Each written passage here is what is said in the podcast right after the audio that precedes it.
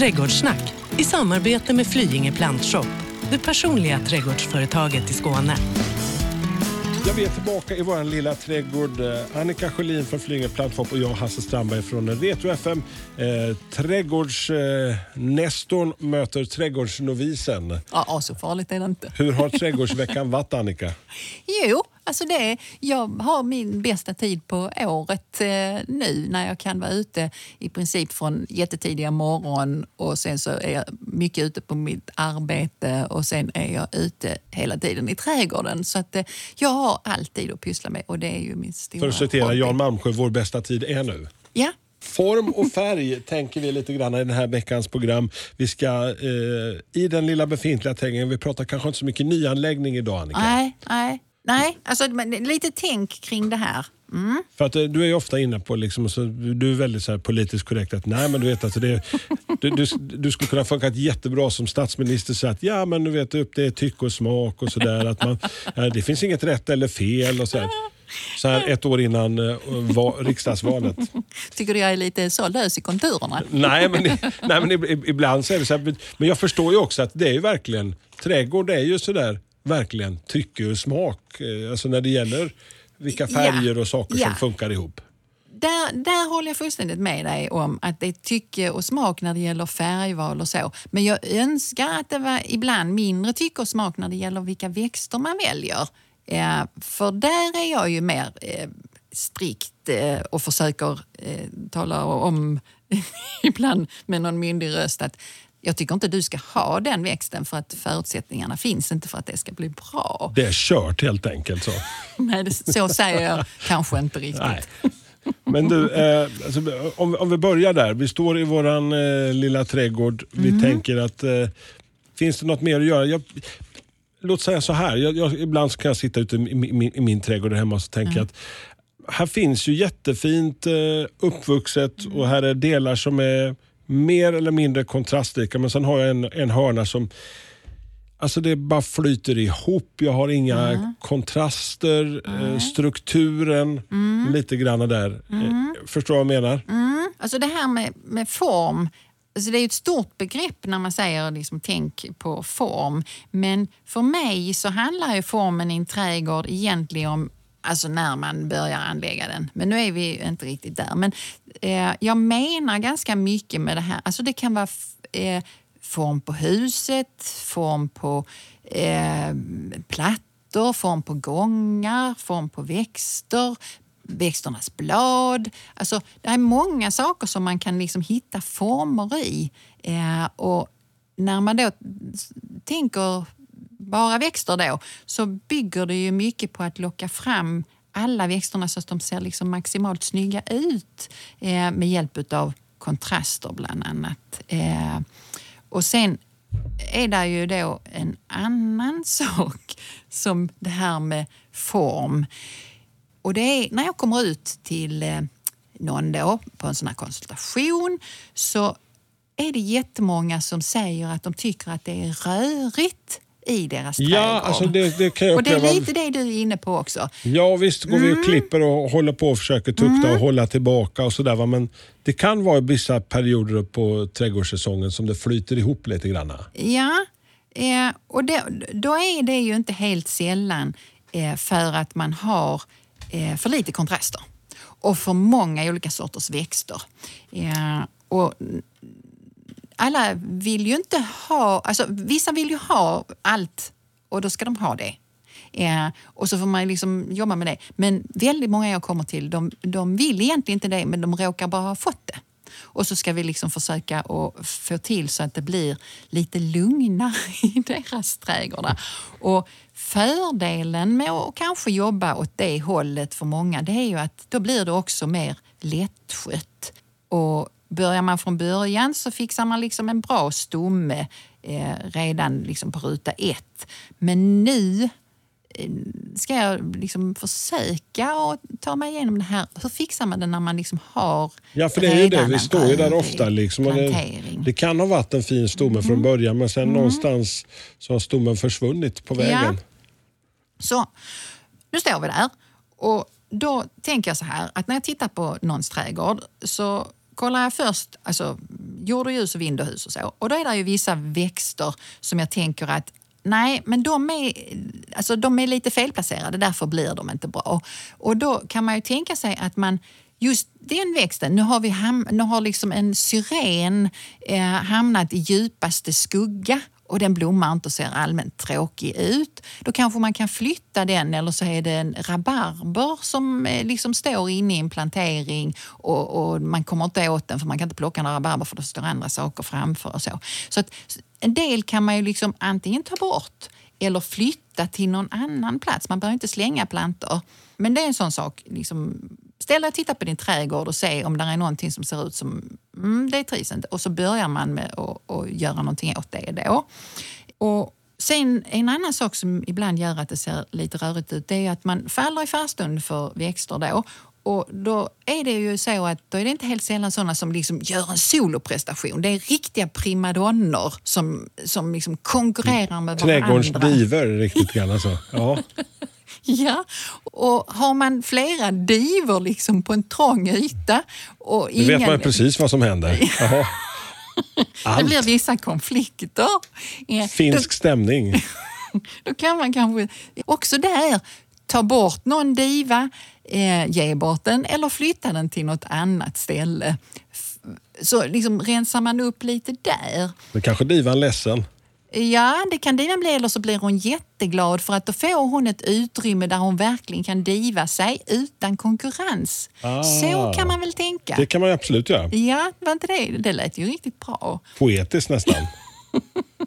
Andra saker som man kan titta på det är, det är såna. Eh, nu har man en rackare som banne mig finns överallt. Den sprider sig som ja, rackan eller så har man köpt någonting nyligen. Citronmelissen, oreganon ja, eller ja, oreganon. Där. Ja, ja, alltså det finns eh, ganska mycket som kan liksom eh, Ställa till det lite. Så, ja, ja. Och, om, om man nu kommer hem och så, så har man satt någonting så redan efter ett år så ser man att oj vad mycket det har blivit. Eh, då kan man ju nästan räkna med att det här kommer att fortsätta och då kan, backar man kanske redan på ruta ett om man har tur och så tar man bort det. Så sånt som sprider sig så in i hoppsan. Det är inte alltid rätt växt för den som vill ha det lite mer lättskött och mer lugn i sin trädgård. Så det, nu har vi liksom tagit bort det också. Eller satt det någon annanstans. Om man nu har ett svårt område, låt oss säga nu har vi en, en silvrig höstanemon som sprider sig som rackans och så har vi mm, ett ställe där det är ganska mycket kirskål. Då kanske det är där den ska vara, bara den. Och så kanske den kan brottas med kirskålen så det till och med blir så att den silvriga höstanemonen kan sträcka sig över kirskålen och se till så att det blir mindre kirskålsfokus och eh, någonting annat istället.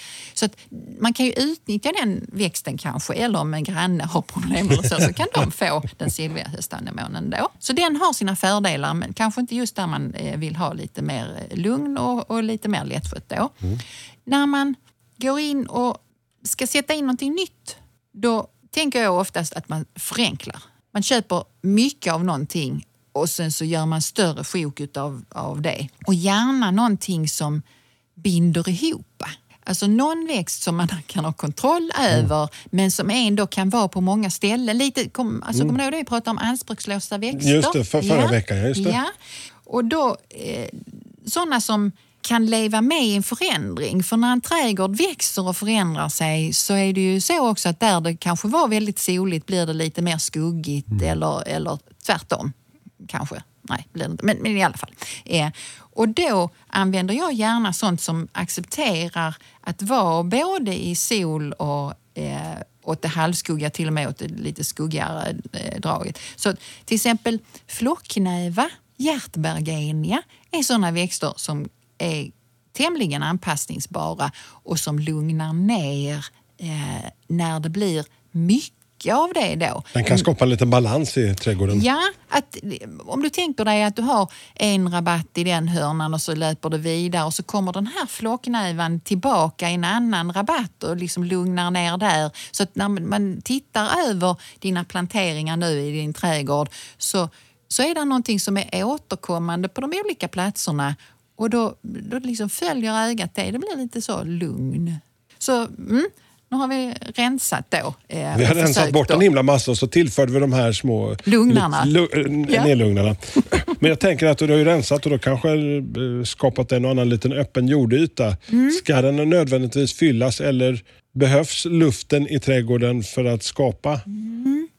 Ja, alltså det är lite, tror jag det är en generationsfråga. Nu eh, är det jättemånga som sätter en, eh, ett buxbomsklot och en någonting annat och en någonting tredje och så lägger man eh, sten över alltihopa ovanpå en markväv och så tänker man att det ska bli lättskött. Jag tror inte på den idén långsiktigt men det är en väldig quick fix Ja, och, och, men i alla fall, öppen jord då får man ju inte i en sån utan då har man ju täckt in det Nej. med markväv och sten istället. Det är inte alla växter som kanske gillar det men en del kan eh, vara alldeles utmärkt i en sån miljö och så tycker man själv att det är fint och, och, och så. Och då ska man ju självklart ha det. Men öppen jordyta an, alltså i en plantering så äldre människor får ett intryck av, sådana i min ålder och ytterligare lite äldre, de gillar att ha öppna ytor. Så att man liksom kan eh, rensa, skyffla mm. mellan de olika plantorna. Man vill liksom se varje planta för sig mm. eller varje buske för sig. Det finns egentligen inget rätt och fel. Det kanske ställer mera krav när det är väldigt tätt och vi, vi saknar de där öppna jordytorna för att man ska kunna hålla de här fina linjerna eller kontrasterna. Mm. Om man bygger en trädgård på form, då väljer man helt andra växter. Alltså om man mm. verkligen vill ha en mm. formstark trädgård där det liksom är väldigt kontrollerat och så. Men där det är lite olika buskar och lite eh, perenner och sånt, då hade jag ju hell hellre fyllt igen eh, jorden med de här lugnarna för att eh, allting hellre ska vara grönt än att jag får öppna jordytor när det väl är liksom, eh, etablerat och ihopväxt. Välkommen till Flyinge plantshop, ett riktigt gardencenter där kunskap, kvalitet och service är en självklarhet. Bara tio minuter från Lund finner ni allt från perenner och buskar till stora träd, jord, gödning och tillbehör. Nu har vi även öppnat ett mysigt café där ni kan sitta ner och njuta, både ute och inne. Beställ från vår nya kafémeny. Kaffe, kakor, smörgåsar eller fräscha sallader. Välkomna till Flyinge plantshop, drömmen för alla trädgårdsälskare. Vi har pratat lite grann om form, men färg var vi inne lite grann på början och jag kastade ut en brandfackla. det är lite så här som maken är som baken delar när det gäller färger och det finns inget rätt eller fel, eh, sa du sådär politiskt korrekt. Mm. Men jag vet att du jobbar gärna med färger för att skapa kontraster. Ja, och då gör jag det mycket med eh, blad eh, alltså bladkontraster. Att de olika växterna kan ly alltså lyfta fram varandra. Eh, Inte nödvändigtvis bara blomning utan blad. Ja, ja, ja, det är mer blad än blomning egentligen. För att om man tänker sig att, att man nu vill alltså framhäva någonting då, så rödbladiga växter då och då kan det ju vara för att man vill framhäva någonting som är lågt, säger vi. Då kan man använda till exempel alunrot som är en flerårig ja, växt då, med mm. röda blad. Mm. Eh, är det någonting lite större man behöver så finns det eh, Weigela till exempel. Som, eh, där finns rödbladiga sorter. Då är det en lite mindre buske. Och sen så finns det eh, smällspirea som då inte är en spirea men den råkar heta så på svenska. Eh, den har lite lönnlika blad, finns både röda och gula former. Så. Så att hela registret finns, så det beror ju på vad du vill sätta en kontrast till. Men när det gäller rödbladiga växter så tänker jag de använder jag just som kontrast i ett fåtal. Som en markör liksom? Eller på något ja, vis, så. för att grannen ska se snyggare ut och så ser de själv snyggare ut. Grönt och rött blir väldigt snyggt tillsammans och så ser man båda. Om du däremot använder väldigt mycket rött, nu sätter du liksom fem såna här rödbladiga buskar in till varandra, då kan det bli lite dystert. Och så dödar de ut varandra på något vis? Eller? Ja, då, då, så plocka dem och använd dem som, som kontraster, de här eh, eh, rödbladiga varianterna. Då. Och sen själv så har jag ju då en väldigt lätt sandig jord. Så att, får jag lov att berätta om min egen trädgård? Ja, men det är väl klart att du ska ja, göra det. det. Då tänker jag så här. Nu sitter jag där eh, inne i, i mitt eh, i min lässtol och så tittar jag ut. Så har jag ganska stora fönster ut mot det här området. Då, då har jag funderat lite på hmm, vad ska jag nu göra där. Så att, nu har jag ju tagit bort all gräsmatta. Jag tycker gräsmatta är väldigt ointressant. Så istället har jag gjort en väldigt stor plantering där utanför då med trampstenar i och så. Och då har jag använt sånt som skapar form på vintern tallar till exempel. Då har jag valt en lågväxande, väldigt kompakt tall som faktiskt heter Sherwood compacta. Eh, eh, den växer sakta och lite så. Jag har använt bergenia som jag då är förtjust i, som är en perennväxt med stora köttiga blad. Så blir det liksom en tydlig kontrast. Jag har använt purpurtimjan som är väldigt låg. Ja, den är jättefin. Fantastiskt ja. jättesöt. Den. Och den sorten som jag nu har använt den heter Coccineus och den är intensiv i färgen när den blommar. Men det är egentligen inte det jag bryr mig så mycket om utan det är just att då blir det som en täckande matta av grönt tillsammans med de här bollarna som nu sticker upp och de köttiga bladen. Så allting det är liksom kontrastrikt kan man säga. Och sen har jag då många glansmiscanthus har jag kanske pratat någon gång. Det pratade om för ett ja, par, par, veckor sedan. Ja, precis. Och då är det ju hö, detta är ett högt gräs eh, som jag har använt som heter malepartus. Eh, då får du liksom en tuva som då blir väldigt mjuk i formen istället. Höga slanka blad, ännu högre vippor som blommar då på hösten. Och egentligen är det inte blomningen, den är alltså lite åt det rosa hållet precis när den blommar men sen så falnar ju den här färgen. Men det här finns ju kvar fram till i mars som en vintersilhuett hela vintern och sen klipper man ner det. Och då blir det rackans tråkigt om man bara har gräsen och inte tallarna, bergenian och timjanen och så. För då hade det blivit jättekallt. Men nu blir det inte det. Alltså jag måste ju komma hem och kolla när den är som, är den som allra bäst nu. ja, strax. strax. Den är ja. egentligen, den, jag, har, jag njuter egentligen mest av den när eh, det är vinter. Då är jag, eh, även om jag tittar på den dagligen så är den på något sätt min trädgårdsräddning mm. i december mm. när det regnar och är jättetråkigt så tänds det eh, några spotlights eh, som lyser på de här gräsen. Det blir mörkt på kvällen och så ser jag hela gräsplanteringen då vaja i vinden. Alltså det är en... Mumma! Ja, det är det. Är det, jag satt och grunnade på Annika, är det möjligt mm. att underplantera eller spränga in något vintergrönt i den här lilla färgprakten som du skapar? I den, eh, alltså, den planteringen jag har gjort där, där hade jag inte sprängt in någonting mer. Men däremot så gör jag gärna det om jag ser att jag Alltså det här gröngröt. Mm. Nu eh, har jag en del av trädgården där det är gröngröt. Då, om du tänker, och det jag pratar om gröngröt det kanske låter lite elakt, men nu har vi ett eh, anonymt buskage mm. som eh, i januari så är det kvistar, i februari så är det kvistar. I slutet på mars så kanske det börjar bli lite grönt och sen så är det ännu grönare i april och sen så blommar det eh, kanske lite här och där i maj och juni och sen är det grön gröt juli, augusti, september och in kanske i oktober. Mm. Den lite anonyma planteringen, där plockar jag gärna in mer av någonting annat. Och då är det jättegärna det här som, alltså till exempel något rödbladigt. Någon rödbladig buske för att göra en kontrast och framhäva de andra. Och när det gäller underplantering, som du egentligen frågade ja. när jag gick igång på detta. Ja. Ja, men jag förstår. Så, men jag vet att du är väldigt passionerad med färg och form, så det är inte konstigt. Ja, ja eh, jo. Så, så tänker jag, om man skulle lyfta underifrån, om man nu har en sån anonym plantering och sen så gör man någonting i framkanten istället, så skulle man kunna använda en annan teknik egentligen eh, och det är att förlänga säsongen. Nu använder vi istället klätterbenved som finns i lite olika bladvarianter. Det är ju en låg utbredd buske som man mycket väl skulle kunna ha i framkant och så kan den kila in liksom och täcka.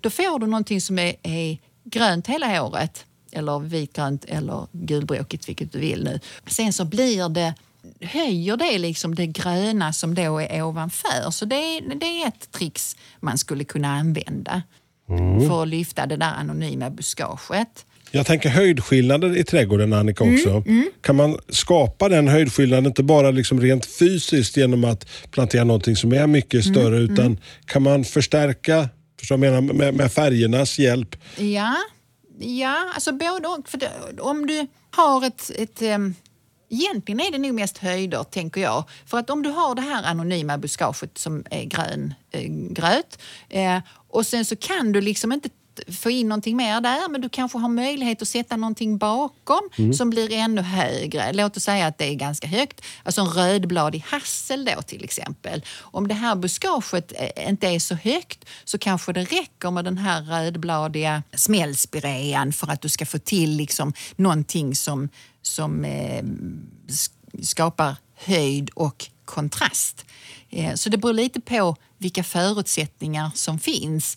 Eh, antingen bygga på underifrån eller kanske till och med ta bort någonting och få in en kontrast eh, eh, mellan det här. Och sen kan man ju trixa till med höjder, fast eh, vad ska man säga, mot dig då.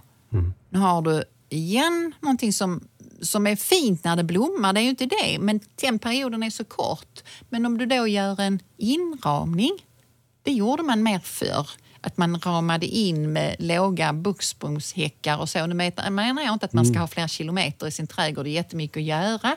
Men en sån inramning på en del av trädgården som man ser vintertid, alltså det höjer ju. Det behöver man ju inte göra där man inte ser det så ofta. Men på sådana ytor så kanske det är där man ska sätta fokus på att kanske få den här inramningen då. Vi är ju i, eh, i jag kanske inte säga slutet av sommaren, det låter ju, låter ju så trist här nu i juli månad, men JAS-beskärning eh, vet du, du har pratat med mig om. Alltså juli, augusti, september. Mm. Nu börjar den. Ja, det gör den. Att tänka på. Det är en väldigt bra tid, så att även om, om saker ser som snyggast ut nu så kan det vara bra att gå in, dyka in i sin eh, doftjasmin eller vad det nu är för någonting och, och grena ur där lite och titta till och, och så.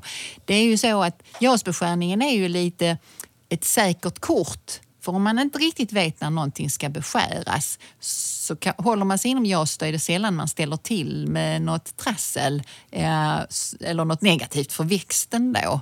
Eh, så, mm, och så sen är det många som har semester så då måste man ju ha någonting att göra i trädgården. Och så inte gå för hårt åt. Nej, det är viktigt. det vet jag du sa till mig när jag började prata om mina äppelträd. Så jag, ja. jag berättade att jag bara, muskelmaskinen går loss där fullständigt. Hänger sig när det sista äpplet eller plommonet har trillat för. Då ska det min själ klippas. Ja. Gärna alltså, på ackord. Ja, och det, där får du hålla fingrarna i styr. Eh, alltså den hårda beskär, om man nu radikalt behöver beskära någonting, och då menar jag inte äppelträd, för det, det, ska man inte göra på det sättet. Men låt oss säga att du har en jätteful eh, eh raftig eh, doftjasmin eller eh, ja, vad vet jag, eh, syren säger vi. Eh, eller spirea eller sånt. Åh, oh, det har blivit så fult och stort och så. Om man liksom vill börja om med den så är det inte så att man skär ner den till fotknölarna för att det är JAS, utan den typen av, om man nu måste göra det här, mm. radikala beskärningen, då är det på våren. Ja. Så det här hårt åt, nej, inte. Nej, inte just nu. Lagom är Bort fantastiskt bra. Veckans fråga i Trädgårdssnack. Vi har fått eh, veckans fråga ifrån Stina. Annika, du pratade om syrenbuddleja förra veckan. Min dog i vinter så jag grävde upp och slängde den i våras. Vad ska jag plantera där istället?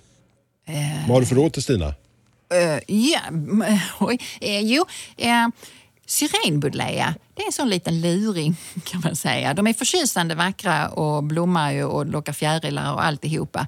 Men de kan också starta ganska sent på säsongen och det är inte ovanligt att de fryser ner helt.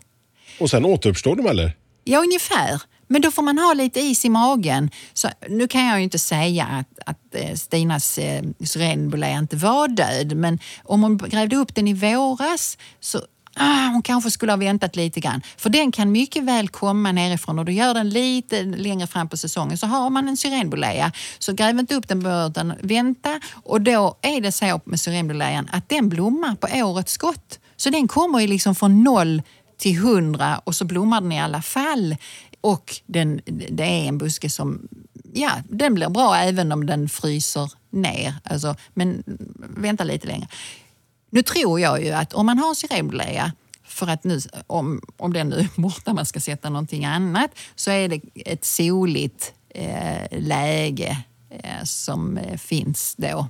Och, och så inte någon eh, jättestor buske som skulle kunna vara där. Om man vill sätta lite fler perenner så skulle man kunna sätta perovskia som jag tror ibland så kallas den för himlaspira som är liksom en, en växt som är lite mittemellan Alltså en halvbuske typ. Den blommar ju också sent på säsongen. Så mm, den eh, håller kanske inte samma höjd, det beror lite på vad det är för syrenbolea eh, Stina har haft. Men alltså, mm, för att få blomningen där sent på säsongen. Den har lämnat till andra sidan kan vi i alla fall konstatera.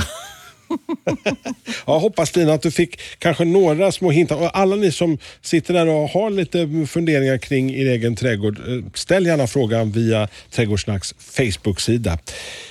Gödsling så här fram på slutet av säsongen. Jag vet att vi har hållit på och jobbat med gödsling under delar av sommaren här, Ja. Annika. Nu är det jasbeskärningstid och sen så är det icke-gödslingstid. Man kan säga att det går lite hand i hand. Att nu ska ju växterna snart gå och lägga sig. Så att inte gödsla nu med någon kväverik gödsel. Eh, Håll igen där lite. Håll igen. Och sen så finns det då andra gödselprodukter. För det är inte så att, att det bara är kväve i en gödsel. Eh, men det ska vara mindre kväve och sen så finns det andra godsaker man kan ge växterna då. Så höstgödsel letar man efter någon eller så frågar man. ser man på. Där har vi eh, en liten start för eh, augusti månad som vi är på väg in emot. När vi träffades första gången så, så ställde du den mycket kryptiska frågan, och jag har säkert hört det i våra små reklamspottar också. Har storleken betydelse? För det är temat på nästa vecka, Annika. Ja, det blir, det blir jättespännande. Ja, just det. Vilken cliffhanger. Trädgårdssnack i samarbete med Flyinge Plantshop, det personliga trädgårdsföretaget i Skåne.